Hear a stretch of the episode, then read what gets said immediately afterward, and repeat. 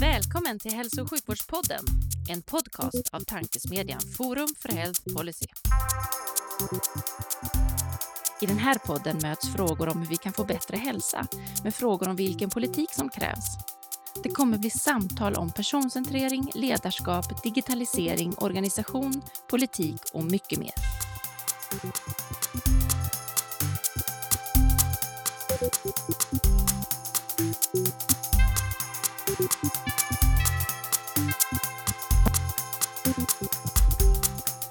Hej och välkomna till Hälso och sjukvårdspodden, tankesmedjan Forum för Health Policys initiativ för att sprida goda idéer och tankar kring dagens och framtidens hälso och sjukvård och omsorg. Jag heter Magnus Lejelöw och arbetar till vardags för Colivia, men, eller var, eh, fram tills igår styrelseledamot i Forum för Health Policy, liksom du var Livia. Ja, men precis. Eh, styrelseledamot i Forum för Health Policy senaste tre åren, men inte nu. Nu har vi en ny stark styrelse och till vardags så är jag policychef på Kry. Precis. Och idag har vi nöjet att välkomna en person med bred kunskap kring det svenska sjukvårds och innovationssystemet. Varmt välkommen Isis Hammer Bolin. Tack ska ni ha. Jättekul att vara med. Eh, och vi tänkte att eh, för att lyssnarna ska få lära känna dig så, så ställer vi frågan hur tror du att svensk hälso och sjukvård ser ut 2040? Precis, det är ju en verkligen utmanande fråga. Eh, jag tänker att Sverige har unika möjligheter att verkligen gå i bräschen för eh, en sjukvård som eh, tar sig an människor på ett innovativt och bra sätt. Vi är ju väldigt friska i Sverige, vi är väldigt digitala. Det finns jättegoda möjligheter att flytta ut sjukvården så att den kommer närmare människor och eh, fungerar på ett sätt så att människor verkligen får stöd eh, i det de behöver. Eh, och för mig så betyder ju det jättemycket eh, prevention istället för att bara agera reaktivt. Eh, så jag ser framför mig att vi går från det sjukhustunga vi har idag till eh, mycket mer bassjukvård eh, och mycket mer digitala lösningar eh, för att kunna göra saker på ett effektivt och bra sätt. Är det vad du tror eller vad du hoppas? Jag hoppas. Jag förväntar mig. Jag förväntar mig, för vi har ju också resurser och kompetens för att göra den här förändringen. Så jag förväntar mig Ja, för hoppas det gör vi nog alla, så får, får man, har, har alla lite olika lite förväntansbild av vad man tror kommer att ske. Precis. Ja, men vi återkommer till det. Digitala lösningar och prevention är ju två, två av Livias och mina favoritteman. Det, det, ja. det återkommer till. Nu har Livia slagit på micken. Det brukar betyda att du vill säga något. Ja, men precis. Då tänkte jag egentligen följa upp med eh, nästa fråga i vår lilla faktaruta direkt där då. då. Om man eh, eh vill styra mot den här hälso och sjukvården som du ser framför dig 2040, vad skulle du vilja ta med dig från andra hälso och sjukvårdssystem i världen för att förbättra den svenska vården i den riktningen? Eh, ja, frågan är ju om det finns en sjukvård som verkligen fungerar så att den agerar eh, preventivt. Eh, så jag gör nog istället så att jag eh, tänker på de utmaningar som vi har som man kanske inte riktigt har på andra ställen. Och, och en sådan utmaning är ju tillgängligheten. Eh, med en bredare bassjukvård eh, som är tillgänglig på ett helt annat sätt och eh, där man känner patienten. För principen för att kunna hjälpa människor eh, med ett helhetsperspektiv, det är ju att man inte varje gång måste börja om i kontakten utan att man har tidigare kunskap om individen, individens anhöriga, familj, jobb.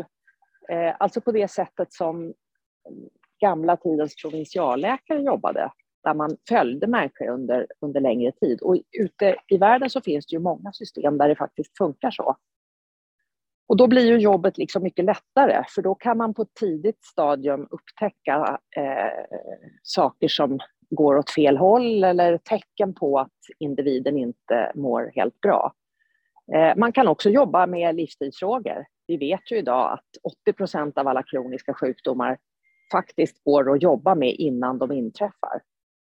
Eh, inte alla, men, men väldigt många av de stora folksjukdomarna. Eh, och det kan du ju inte göra om du har korta tillfälliga kontakter med personer. Så det är väl en bit. Sen måste man får, naturligtvis... Får jag, bara, får jag bara fråga där? Ja. Du, du pratar digitalisering och så samtidigt. Själv jag, vill jag inte ha någon som, liksom en person eller individ som har koll på mig. Jag vill ju att systemet fångar upp allting och att sen Absolut. att jag kan få den tillgängliga personen som, som kan ta, använda kunskapen kring mig. Mm. Så jag är bara nyfiken på hur, hur, hur, liksom, hur resonerar du kring, kring att vi ska digitalisera så mycket som möjligt, använda så mycket data som möjligt och samtidigt provinsialläkare är ju ett, namn, ett ord man inte hör så mycket längre förutom från Läkarförbundet. Nej, nej. Men du vet, jag, jag tänker ju mig en kombination av det mänskliga och det digitala. För eh, jag tror inte riktigt på att det bara handlar om att eh, liksom systematisera och, och, och analysera data, utan det kan naturligtvis hjälpa oss jättemycket. Men jag tror också väldigt mycket på den mänskliga kontakten. Särskilt i, ett, eh, i en värld där den psykiska ohälsan liksom, eh, blir bara större och större problem. Eh, vilket ju i sig, det är ju också en kronisk sjukdom. Eh, så jag håller med dig. Det är det digitala och det förutsätter man ju i en framtid att eh, vare sig du söker vård i Luleå eller i Malmö så ska din data finnas tillgänglig. Men samtidigt så behöver många en, en trygg punkt och det skulle kunna vara eh, någon typ av sjukvårdsarbetare. Det är inte säkert att det är en läkare. Det kanske är ett modernt alternativ. Det kanske är en hälsocoach som följer dig och som, och som stöttar dig för att just fånga eh, dina behov. Eh, så jag tror på kombinationen. Det låter ju rimligt på många sätt och vis. Jag var bara nyfiken på att lägga in det där också. Mm. Du, Jag avbröt dig mitt i. Du skulle fortsätta att prata om saker du ville sno från system på andra ställen. Precis. Den andra dimensionen som ju är extremt eh, viktig, det är ju hur styr man då eh, så att sjukvården inte bara liksom snurrar på som den alltid har gjort, utan utvecklas. Och där har ju vi ett, ett stort problem i Sverige eftersom vi har stelbenta eh, styrsystem där innovation eh, inte lönar sig i, i, i den, det offentliga, eh, i den offentligt finansierade vården eh, och till och med hindras. Eh, och det handlar ju väldigt mycket om att vi inte styr mot eh, liksom, kvalitet utan mer mot produktion. Eh, då blir ju eh, alla väldigt fokuserade på att bara jobba med att träffa så många som möjligt och göra det så billigt som möjligt.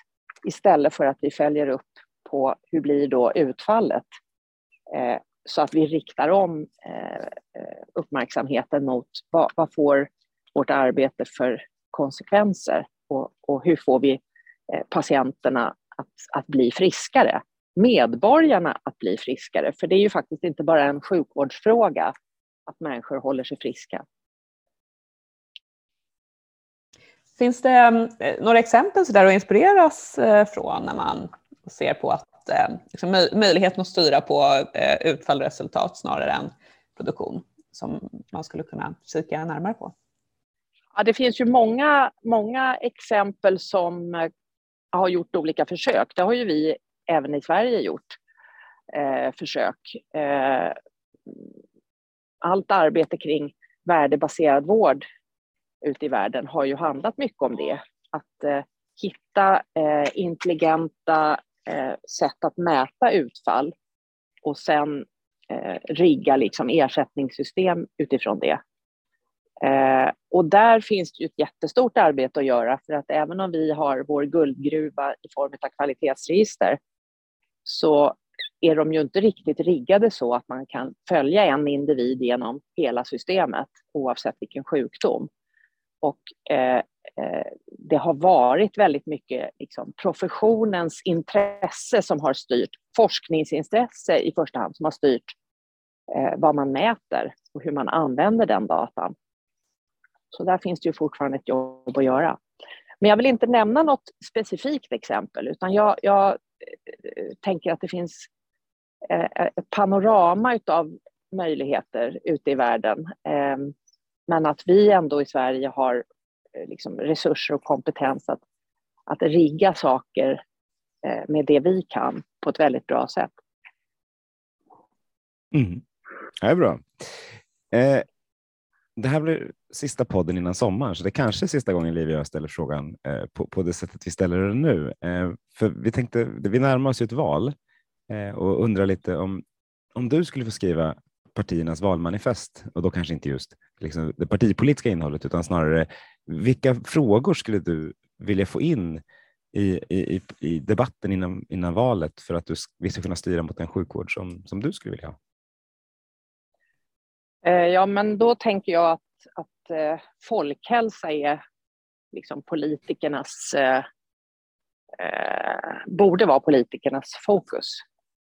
Eh, och folkhälsa handlar ju inte bara om sjukvård, som jag sa för en stund sedan, utan det handlar ju om allt ifrån eh, eh liksom situationen när ett, ett barn föds. Eh, jag är ju kvinnoläkare och eh, har ju bra koll på vad svensk mödrahälsovård hade för impact på folkhälsan när det infördes på 40-talet. Eh, så där finns det ju jättestora möjligheter om man talar om, om liksom, eh, ett sjukvårdsperspektiv. Men sen handlar det om hur det ser det ut i skolan? Eh, hur har, vilka socioekonomiska skillnader finns det i, i landet?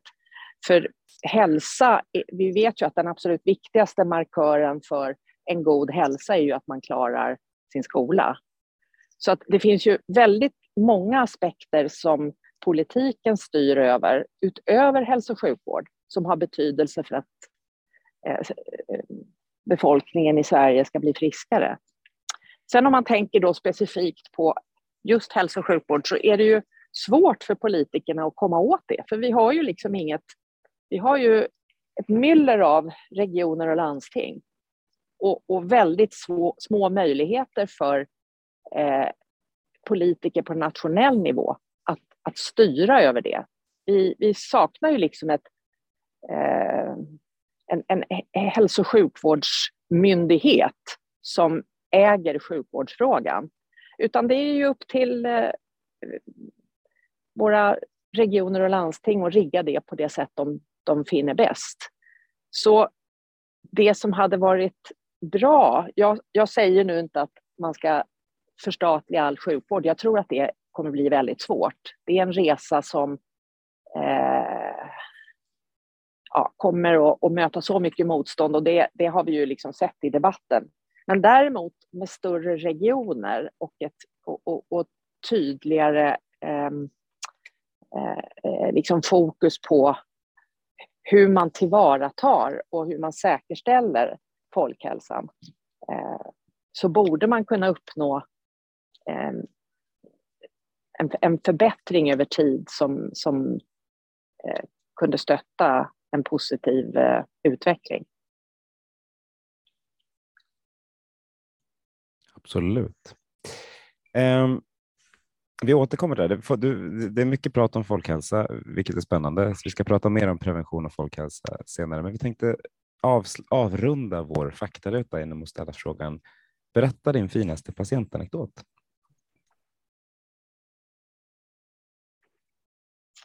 Um, ja, men jag jobbar ju nu i uh, en vårdverksamhet som, ligger, som inte är offentligt finansierad uh, som heter To Heal Medical. Och där arbetar ju vi med en vårdmodell där vi tar oss an hela individen och lägger väldigt mycket tid eh, på långa konsultationer och på analysen utav hela patienten. Eh, och när vi startade upp så var jag som var van vid sjukhusvård ganska eh, osäker på om man verkligen kunde lägga så mycket tid på konsultationer. Så jag skulle säga att flera av de patientanekdoter som jag nu har omkring mig handlar ju just om eh, det här med, med bemötandet, med att man mellan två människor som då är, är, är en, en, läkare till exempel, men det kan ju vara en annan, annan profession lika gärna, eh, kan göra så otroligt stor skillnad i mötet och i eh, att, att, så att säga, eh, eh, ta hand om hela individen. Och det ser jag återkommande. Det, det är väldigt välgörande för så många människor. Mm. Då fick vi lite eh, inblick i, i vad du gör för någonting. Det har vi inte ännu hunnit prata så mycket om. Jag tänkte att vi, vi ska djupdyka i det eh, en liten stund här. Ehm, berätta mer om dig själv. Vem är du? Vad gör du? Vad har du för bakgrund?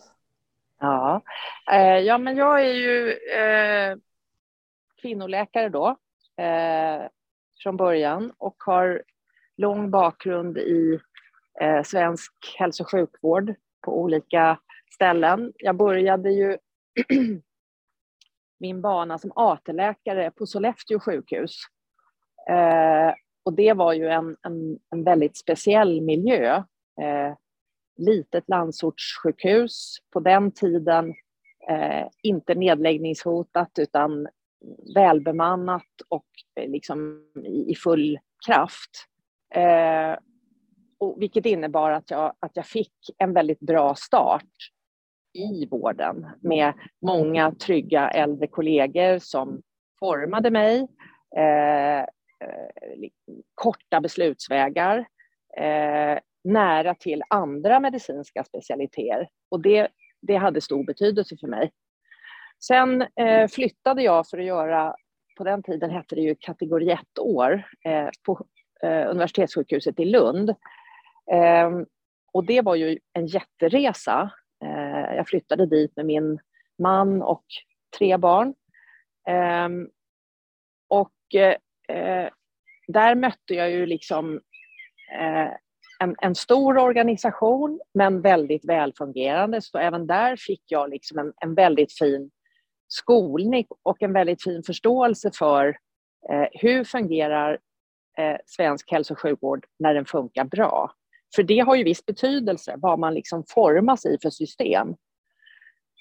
Um, och där var jag i, i 15 år. Jag disputerade där på en medicinteknisk eh, innovation, en svensk innovation som handlade om att använda EKG i eh, förlossningsrummet för att identifiera eh, tecken på syrebrist hos fostret. Eh, och den resan är väldigt intressant, för den fick ju mig att börja intressera mig för hur eh, arbetar olika professioner i vården tillsammans? Och vad är det som är hinder eller eh, fördelar när man ska arbeta runt en innovation? Eh, det fick mig också väldigt intresserad av eh, vetenskapliga eh, metoder. På vilket sätt studerar vi nya metoder? Och på vilket sätt bevisar vi eller inte att nya metoder jämfört med gamla eh, Eh, eh, faktiskt är bättre?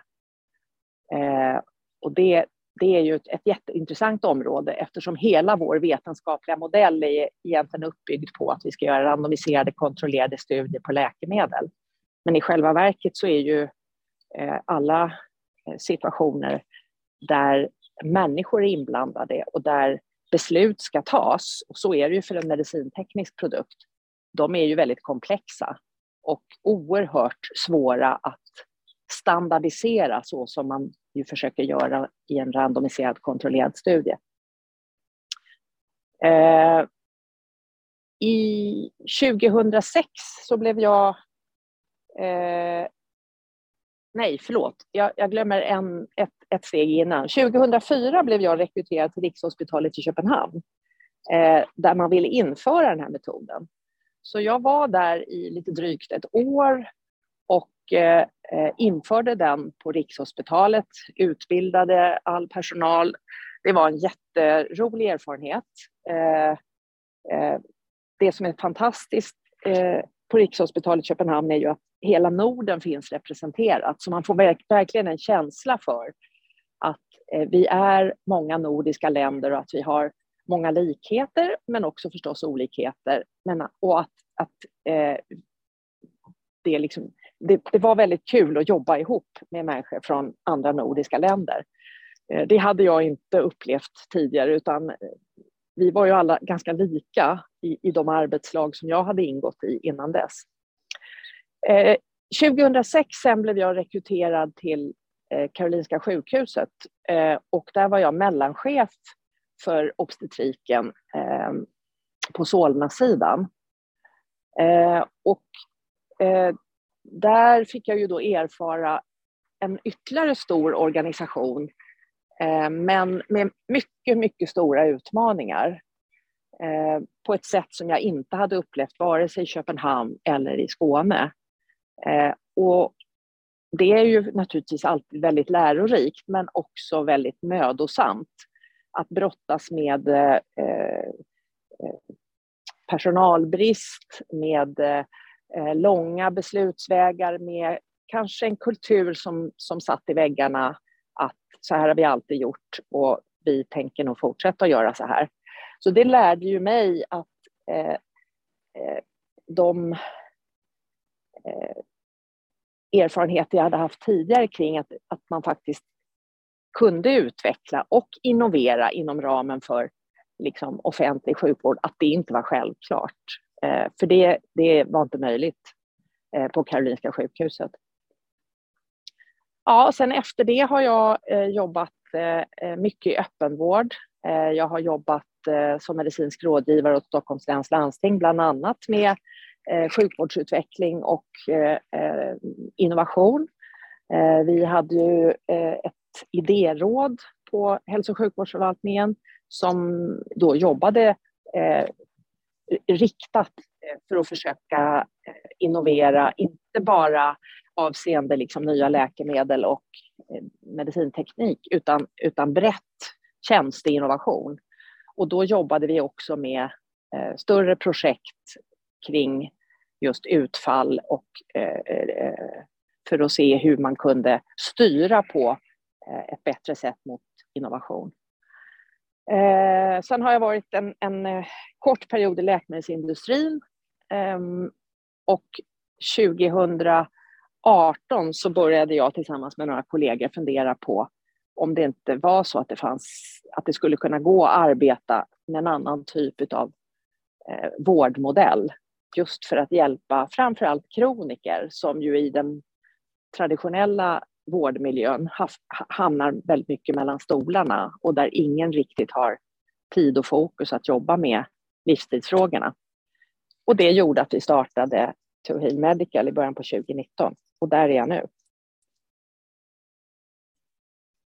Wow, det är en imponerande bana. Den är väldigt bred på, på, på, på många sätt och vis eftersom du har liksom touchat många, många delar av, eh, av hälso och sjukvårdssektorn. Och tittar man på ditt CV så ser man att du har liksom även, förutom Forum för Health Policy som du är en del av vårt forskarnätverk, vilket vi är glada för, eh, så har du varit med liksom, eh, en fot på RISE och liksom lite, lite fötter här och var. Det är imponerande att se. Precis, mm. precis. RISE glömde jag ju att nämna. Där är jag ju också då eh, på en, en liten deltid och jobbar just med digital hälsa. Och det handlar ju mycket om liksom det nationella perspektivet och eh, eh, att försöka hjälpa till i, i, på den resa som vi ju är på när det handlar både om policynivån eh, och eh, liksom i, i konkreta innovationsprojekt. Mm. Jag tänkte återgå då en massa år i tiden, eller springa tillbaka en massa år i tiden. När du tog dig där över bron, höll jag på att säga, från, eh, från Skånesidan till, till Danmark. Vad var de största skillnaderna i, i hälso och sjukvårdssystemet tyckte du, när du att jobba i det danska systemet, förutom innovationsdelen? Um, Även om det nästan är preskriberat länge sedan så tänker jag att du, du har ett bra minne. Ja, absolut. Det som gör att det är lite svårt att svara på är ju att mitt fokus då var... Eh, det var jag hade ju väldigt fria händer Eh, eftersom jag var ju rekryterad för ett specifikt uppdrag som låg liksom utöver eh, det vanliga. Så även om jag var, jag var ju överläkare och jag gick jourer och jag jobbade ju liksom kliniskt så hade ju jag eh, mycket friare händer än, än övriga. Och det gör att jag egentligen är dåligt lämpad att beskriva eh, exakt hur eventuella eh, nackdelar med, med deras sjukvårdssystem. Det jag upplevde var som jag sa en, en, en fantastisk nordisk gemenskap. Eh, en, en, en svårighet när det gäller just det patientnära att eh, eh, få till... Vi är ju så vana i Sverige att människor gör som vi säger. Kom på kontroll på onsdag klockan tre. Ja, men då kommer folk på onsdag klockan tre. Där, där var utmaningarna mycket större. Eh, och eh, som svensk så fick man ibland en känsla av att eh, liksom, det var lite lösa boliner. Patienterna kanske inte alltid förstod. Eh, så, så det finns en annan kultur. Eh, sen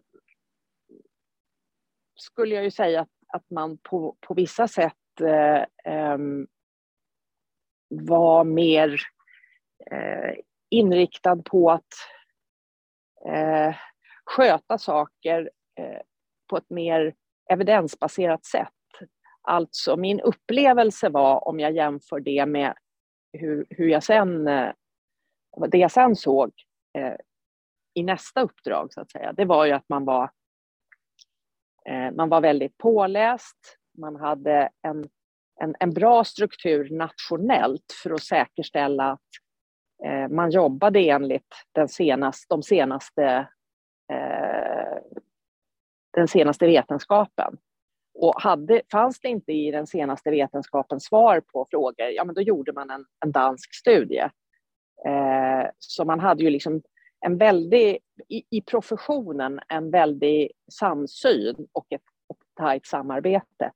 Så eh, fungerade inte det då i Sverige. Utan vi hade ju eh, väldigt tydligt en sanning i Göteborg, en annan sanning i Stockholm och en tredje i Umeå. Och det blir ju väldigt eh, utmanande för det innebär ju att eh, eh stora risker för att det blir stora eh, skillnader. Vilket vi ju också kan se eh, om man ska vara krass i våra eh, kvalitetsregister. Verkligen. Ehm, om man tittar på Eh, verksamheten där du är nu då. Eh, du sa att ni startade den med, med liksom utgångspunkten eh, det borde gå att arbeta med en annan typ av vårdmodell, framförallt för kroniker. Hur arbetar ni idag med eh, den här patientgruppen? Vad skiljer ert arbetssätt från gängse arbetssätt? Eh, ja, men då arbetar ju vi så att vi inför konsultationen tar in väldigt mycket information. Så vi har ett man kan kalla det för ett anamnesverktyg. Vi kallar det för ett hälsoformulär där vi samlar in 300 frågor inför besöket. Eh, och så tar vi en, en standardpanel av prover. Eh, och så har vi långa konsultationer där vi verkligen försöker göra en 360 graders analys av individen. Och utifrån det så lägger vi upp en, en handlingsplan Eh, där livsstilsfrågorna är i fokus. Eh, och där man får sig tilldelad då ett team som kan se lite olika ut. Eh, det kan vara bara en doktor och en hälsocoach, men det kan också vara en eh, psykoterapeut, eh, eventuell akupunktur, eh, en fysioterapeut om det finns sådana utmaningar. Eh, nutrition är jättecentralt. Och så stöttar vi patienten över tid i att göra vissa förändringar utifrån liksom den, eh, den individuella karta som vi då, eller individuella pussel kanske man hellre ska säga, som vi har identifierat. Eh, och det blir ju väldigt tydligt eh, när man jobbar så här systematiskt att livsstilsfrågorna är helt centrala och att alla kroniker har det gemensamt att den kroniska inflammation som vi idag vet är grunden till kroniska tillstånd, den går att arbeta med genom att förändra sin livsstil. Vad, om man säger så här då. Eh, vad är det som gör att vi inte arbetar på det här sättet bredare? Du pratade i inledningen redan om vikten av att få eh, liksom ett, ett mer patientnära och eh, preventivt arbetssätt, inte minst eh, inom mm. primärvården. Vad hindrar mm. primärvården från att ta till liknande arbetssätt för kronikergrupper? Jag tror att, att primärvården generellt jättegärna skulle vilja ha ett mer preventivt arbetssätt.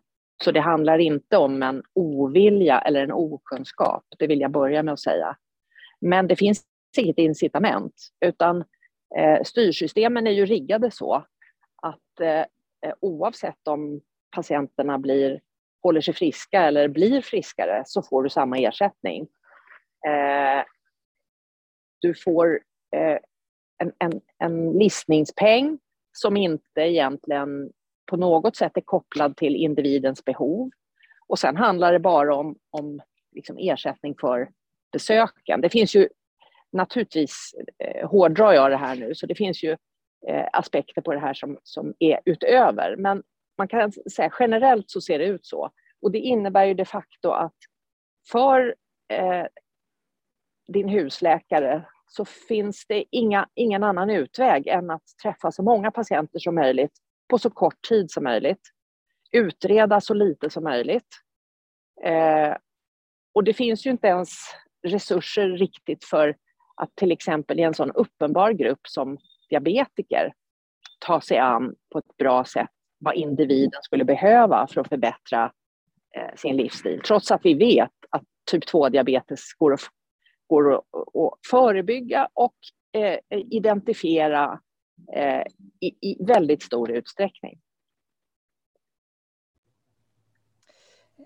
Någonting annat som är lite på tapeten det är ju det som du också var inne på, eh, samverkan med, med andra delar av samhället just för folkhälsan när man pratar om prevention. Hur ser du på eh, andra aktörers möjligheter att, eh, att bidra i eh, arbetet med livsstilsförändring eller förbättring? Ja, men jag ser ju att det finns jättestora möjligheter där. Eh, så om, om vi tar en sån sak som fysisk aktivitet till exempel. Eh, där borde det ju liksom vara självklart att man organiserar sig och ser till att man kan samverka för att få folk att röra på sig mer. Men det kräver ju på något sätt att det finns lite eh, utrymme tidsmässigt och mentalt i, om vi nu tar primärvården, för att man ska orka ta sådana initiativ och börja tänka i sådana banor. Ta kontakter, eh, jobba med i, i, projekt kanske. Det är ju en, en, eh, en, eh, en omöjlighet om det enda som eh, din dag handlar om är att träffa så många som möjligt på så kort tid som möjligt. Eh, så det, det, det, kräver ju extremt mycket utav dem som, och det finns ju eh, vårdcentraler som verkligen försöker vara innovativa och sätta och, och liksom jobba i projekt. Men, men förutsättningarna är ju väldigt svåra. På, på tal om det, du pratar om stelbenta styrsystem vad gäller innovation och så. Vad, hur skulle du vilja utforma styrsystemen i Sverige för att det ska mer för att vi ska kunna ha ett, en, ett bättre upptag av innovationer och, och mer implementering av, av liksom i stor skala? Ja, men jag eh, tänker ju då genast på det eh, arbete som vi gjorde när jag var medicinsk rådgivare Eh, tillsammans med många andra kloka människor på hälso och sjukvårdsförvaltningen i Stockholm eh, när det gäller höft och knäplastik. Där man ju tydligt kunde se att om man riggar ersättningen så att man har ett ansvar för eh, dels vilka komplikationer som uppstår, men också för eh, att man så att säga ersätts utifrån utfall, då blir ju beteendet ett helt annat. Då blir det ju plötsligt intressant att leta rätt på den, den eh, bästa höftprotesen, därför att det innebär ju att man får ett bättre utfall det blir intressant att titta på hur andra jobbar med höftplastik, för då kan man kanske förbättra sina egna utfall. Det blir intressant att lyssna på den yngsta ST-läkaren som har läst någonting som man kanske skulle kunna applicera. Eh, det blir intressant att öppna upp alla kanaler och låta patienterna ringa in, därför att annars blir du betalningsansvarig när patienten har sökt sig någon annanstans för sina besvär. Så det skapar ju liksom ett beteende som är precis det vi vill ha. Men det kräver ju också jättemycket utav den så kallade beställaren. För det kräver ju att du följer upp på ett annat sätt än vad vi gör idag. Att du har en dialog med professionen och de som arbetar med det här som är på ett annat sätt. Där man bygger in liksom eh, ett förtroende i, i det eh, eh, rummet där beställare och utförare pratar med varann. Så ser det ju inte ut idag, utan de, de jobbar ju på något sätt utifrån att den ena, att de, att de vill varandra inte alls något väl. Så, så det finns många aspekter i det här som har betydelse. Och jag menar som landstings eller regionpolitiker så eh, är det ju ingen som egentligen efterfrågar vilken hälsa du skapar med dina beslut. Eh, utan eh, det, det, är ju inte riggat på det sättet. Det är ju inte öppet och tydligt för befolkningen och väljarna eh, vad olika eh, politiska beslut på region och landstingsnivå får för konsekvenser. Eh, och därför så är, finns det liksom ingen, ingenting i, i det nuvarande systemet som gör att man flyttar sig åt rätt håll. Även om det finns ju förstås region och landstingspolitiker som tänker rätt och försöker. Det vill jag noga understryka. Är det, du, du, säger att det det inte är tillräckligt tydligt för, för väljarna vilka typer av, eh, eller vilka beslut som leder till, till vilka effekter. Är det tillräckligt tydligt för, eh, för beställarna, tror du, regionerna, att vi vet vad som genererar vilka resultat? Självklart inte. Det börjar ju där. Det börjar ju där. Så eh, man, man, man famlar ju liksom efter, eh, efter eh, indikatorer och mätetal och, och, och liksom, eh, avtalsmodeller eh, eller detaljer skulle jag säga i, i avtalen som, som skulle hjälpa till eh, att göra saker och ting på ett bättre sätt. Men eftersom, eftersom den dimensionen måste växa fram i dialog Eh, så kommer man inte att lyckas förrän man sätter sig ner och lyssnar på professionen och eh, på patienterna förstås. För det handlar inte bara om att mäta saker som professionen tycker är relevant, utan det handlar också om att mäta det som är viktigt för patienter. Eh, jag vill här passa på att nämna eh, Sara Riggare som ju nyligen disputerade på sin egen sjukdom och hennes fina bild där man blir varse hur mödosamt det är för kroniker. Sjukvården bistår med en röd prick bland alla hennes blåa prickar. Resten är arbete som hon själv gör för att hålla sig eh, liksom, vid, vid, vid, god hälsa. Eh, och det säger ju någonting om att det finns ett jättestort gap mellan det vi erbjuder och det patienterna efterfrågar och önskar. Och där har ju digitala lösningar en jättestor plats. För det, det går ju att förkorta liksom, eh, och, och, lösa många av de stödsystem som patienterna skulle behöva eh, digitalt. Sant. Och vill ni höra mer om Sara Riggare så rekommenderar vi episod 57 av Hälso och sjukvårdspodden där man får en hel timme med Sara. Eh, jag var lite nyfiken på den här hälso och sjukvårdsmyndigheten du pratade om. Eh, som vi inte hade. Skulle vi, skulle vi vilja ha en sån och hur skulle den fungera i så fall? tänker du? Ja, men om man tänker sig att eh, det fanns en myndighet eh, som liksom eh, styrde hela hälso och sjukvården eh, och vi hade eh, eh, nationella, en nationell möjlighet eh, och, och eh, en, en, att, att vi hade riggat systemet så att, att sjukvården direkt eh, dels var, var mycket mer självstyrande och eh, mättes på utfall. Men att det såg likadant ut för alla regioner. Då skulle vi förmodligen ha mycket lättare att undanröja ojämlikheter. För idag är det ju extremt ojämlikt. Mm. Ja, visst är det så. Jag hör ni lite ljud i bakgrunden. Det är för att du sitter ute i, i, i, i sommarvackert Stockholm. Ja, underbart. Eh, jag funderade lite mer på, på er. Ett av alla dina ben är, är to heal. Då. Hur, hur funkar det med liksom, att jobba som en, en privat aktör i vårt ganska offentligt drivna system? Eh, vad får, vad får du för kommentarer från patienter och hur, hur, liksom, hur, fungerar, hur fungerar det att vara en, en, en annor, ett annorlunda varelse i vårt ekosystem? Ah, det är ju en, en, en, del av innovationen i sig, för vi utmanar ju liksom hela affärsmodellen.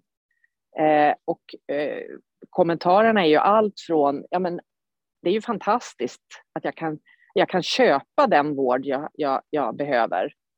Eh, till att, men det är, ju, det är ju helt fel. Jag betalar ju skatt.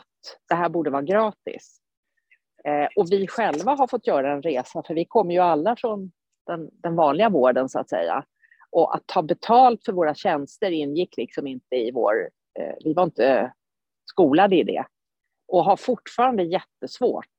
Eh, vi märker ju att det präglar oss, att vi, vi eh, pratar väldigt mycket om eh, och försöker liksom fixa så att det inte ska bli så dyrt. Och där finns ju naturligtvis risken att man inte tar eh, korrekt betalt för det man gör. Eh, men eh, i grund och botten så tror jag att eh, det finns en, en, eh, en jättestor frihet. Eh, för många beskriver ju som kommer till oss att eh, man, man når inte vården och man får inte eh, gehör. Eh, hos oss för, försöker ju vi då eh, liksom att vara extremt tillgängliga. Eh, och vi försöker hörsamma. Det betyder dock inte att man eh, liksom kan beställa vissa utredningar, för det kan man ju tro om man tittar på, på amerikanska system till exempel, att, att det blir liksom väldigt dyrt. Det, det, det, behöver inte bli, för vi är ju skolade i, den vanliga, i det vanliga systemet. Vi, vi utreder liksom på indikation, men vi är ju mer generösa och går mer på Eh, det som vi medicinskt ser ett behov av än den vanliga vården. Eftersom vi inte är begränsade av någon, eh, någon modell som, som gör att vi, eh, vi går med förlust om vi utreder patienterna för mycket. För så blir det ju tyvärr i, i primärvården. Mm. Du var inne också lite grann på eh, på det här med vår eh, förmåga eller förutsättningar för att introducera och, och skala upp nya innovationer och att det inte alltid är en självklarhet. Vad, eh, vilka förutsättningar behövs för att vi ska bli bättre på det inom svensk hälso och sjukvård, tror du? Eh, ja, men det hänger ju lite ihop med det vi pratade om för en stund sedan. Att eh, Eh, om, om, eh, om styrsystemen är riggade för att följa med och uppmuntra till ett bra utfall för de som behöver vården, alltså patienterna, eh, då blir det ju naturligt att modeller som visar sig vara framgångsrika också eh, får möjlighet att, att, att, få bättre betalt och växa. Eh, medan äldre metoder, äldre modeller, Eh, dåligt fungerande sjukvårdsenheter på ett naturligt sätt då får mindre ersättning.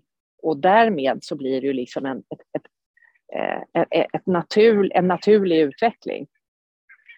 Eh, idag har man ju på något sätt låst in sig i avtal där det tar väldigt lång tid innan man uppmärksammar andra modeller. Vi är ju till exempel på Turin Medical har ju vi olika typer av medicinska specialister under samma tak. Och det i sig är ju en organisatorisk eh, innovation, för så fungerar det ju inte eh, annat än på sjukhus. Eh, det, det, finns ju inga vårdval i, i, Region Stockholm som är riggade för att man verkligen ska kunna ha olika, olika medicinska eh, specialiteter under samma tak. Eh, men det underlättar naturligtvis och gör ju eh, samarbete och ökar ju liksom kompetensen runt patienten alldeles avsevärt.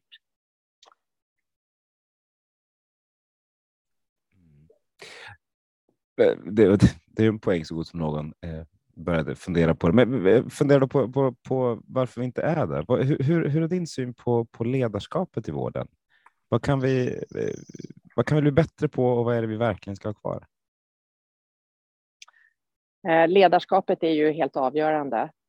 Eh, och eh, jag skulle säga att det vi saknar i svensk hälso och sjukvård är ju ett medicinskt eh, managementspår, alltså att, att utbilda i medicinsk ledarskap.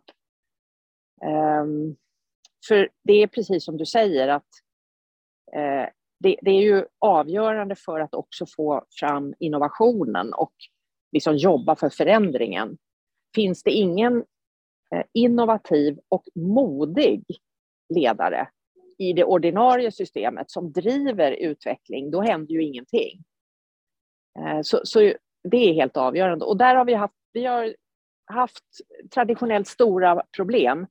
Eh, och det beror ju, vill man liksom förstå det så måste man gå till roten, nämligen de medicinska utbildningarna som inte eh, har varit så duktiga på att hänga med i utvecklingen och rigga utbildningen så att de som kommer ut eh, och är utbildade verkligen är, är, skolade i hur de ska tänka och hur, vad som är viktigt när det gäller de här bitarna. Eh, vi har heller ingen, i många länder har man ju speciella utbildningar eh, för medicinsk, eh, medicinskt ledarskap. Jag är ju affilierad till Lime eh, på KI och där finns det ju många superbra initiativ och, och kurser för, för eh, ledare, men det här är ju, det är ju liksom det är ju inte någonting som kommer hela vården till godo. Och tyvärr är det ju så att eh, det organiseras ju väldigt mycket uppifrån. Så att om inte den här förståelsen och kompetensen finns hos den högste chefen, ja men då blir ju mellancheferna därefter. Eh, och vi har tyvärr traditionellt haft ett, eh, en kultur där, där man inte bejakar nytänkande och eh, liksom, mod, utan snarare eh, haft tystnadskultur och de som har varit alltför frispråkiga och nytänkande har liksom inte klarat sig kvar utan eh, fått söka sig till andra ställen. Så vi har ju odlat fram en, en, en kultur på många, i många vårdverksamheter som inte befrämjar innovation. Mm. Du har varit inne på digitalisering flera gånger eh, också, eh, både eh, i hur du ser på, på utvecklingen av svensk hälso och sjukvård framåt och på um, möjligheten till att eh, eh, stötta patienter som är med kroniska sjukdomar och preventivt arbete och så vidare. Men eh, hur ser du på, vi pratar, digitalisering är ett så otroligt brett ord. Vad, vad betyder liksom digitalisering för dig när du använder det i de här sammanhangen? Och vad ser du framför dig nu? Nu har vi haft en, en relativt hög digitaliseringstakt, inte minst eh, på grund av pandemin, men framförallt när det gäller kanske kontaktvägar. Vad, vad ser du för områden där digitaliseringen kommer eh, kunna bidra eh, ännu mer framåt? Eh, ja, men digitalisering är ju som du säger så otroligt mycket saker. Och det är ju absolut inte bara liksom, eh, en, en, fråga om att lättare ha tillgång till. För vi har ju alltid haft telefoner. Det är ju också en form av digital kontakt om man vill. Så för mig är inte digitalisering bara en fråga om att lösa tillgängligheten. Det är tyvärr det som vi i stor utsträckning har sett och det har ju för sig varit väldigt bra under covid, eh, att vi har haft sådana lösningar. Det har nog eh, eh, främjat eh, oss att vi har haft sådana lösningar. Eh, digitalisering är ju förstås jättemycket data. Alltså det handlar ju om eh, möjligheterna att samla in och att använda och analysera data. Vi gör ju det redan idag i vården i olika utsträckning i öar och om man eh, ser på hur stor del primärvården har i att samla in data så är väl det en, en av svårigheterna för eh, läkare i primärvården just att de har då eh, liksom 16-20 kvalitetsregister de ska fylla i dagligen. Så det är ju, det är ju, vi håller ju på med data, men vi, vi använder den inte så som vi skulle kunna göra. Och vi har ju inga system som gör att man kan röra sig fritt över landet ens, utan fortfarande är det eh, eh, omöjligt om jag söker vård på annat håll. Sen handlar det ju om eh, databiten är ju också att samla in information. Det finns ju jättestora möjligheter att distansmonitorera. eh, eh, att ge patienten själv makt över den data som hon eller han så att säga genererar, att förstå den, att använda den. Eh, vad betyder till exempel bara en sån enkel sak som att mäta sitt blodsocker och förstå själv vad det har för koppling till hur jag äter och hur jag rör mig. Det, det är ju, skulle ju kunna vara helt avgörande för att förhindra att man får typ 2-diabetes. Så d- där finns ju jättestora möjligheter. Och sen naturligtvis eh, är ju eh, det digitala också sånt som vi idag tycker är självklart, nämligen att eh, vi kan skriva e-recept och man kan gå till vilket apotek man vill. Och, och vi kan eh, använda eh, olika labb och få svar på ett digitalt sätt. Eh, så där finns det säkert jättemycket mer vi skulle kunna göra kring, kring sådana tjänster. Eh, sen har vi patientkommunikationen, eh, alltså att, att eh, Eh, förbättra möjligheten att komma i kontakt med vården, inte bara genom att man ska sitta i, i köer i telefonen, eh, utan ja, kanske chatt eller kanske eh, möjlighet att få svar på frågor. Eh, 1177 är ju fantastiskt och där finns ju massor med otroligt eh, avancerad och, och robust och jättefin information. Eh, man skulle ju kunna tänka sig att man utvecklade det så att man, man ökar människors möjlighet till egenvård och, och egen diagnostik eh, på ett bra sätt. Och sen kan man naturligtvis lägga eh, algoritmer och AI på allt det här så att vi även hjälper till. För ska vi vara helt ärliga så är det ju egentligen omöjligt att med all den information som finns, eh, alla de läkemedel vi använder och det komplexa system som en människokropp är, är det ju omöjligt för en läkare att dra, alltid dra robusta och rätt slutsatser. Så det är klart att, att om man skulle kunna, om man liksom kunde eh, rigga så att man får hjälp där så vore det enormt bra eh, för patienterna. Det där är en fin målbild. Nu plockade du in hela digitaliseringskakan på ett, ett snyggt sätt. Och det, är, men det är många viktiga pusselbitar som vi naturligtvis hoppas ska bli en, en, en del av svensk hälso och sjukvård, både nyss, snart och i framtiden. Eh, tiden går snabbt när man har roligt. Nu har vi snart pratat i en timme. Eh, vi, jag och Olivia förstår aldrig hur det här går till, men det är för att det är så trevliga och spännande samtal. Eh, när du kom in i det här digitala rummet, var det något du hade velat prata om som du kände men det här har inte jag, har inte jag fått prata om?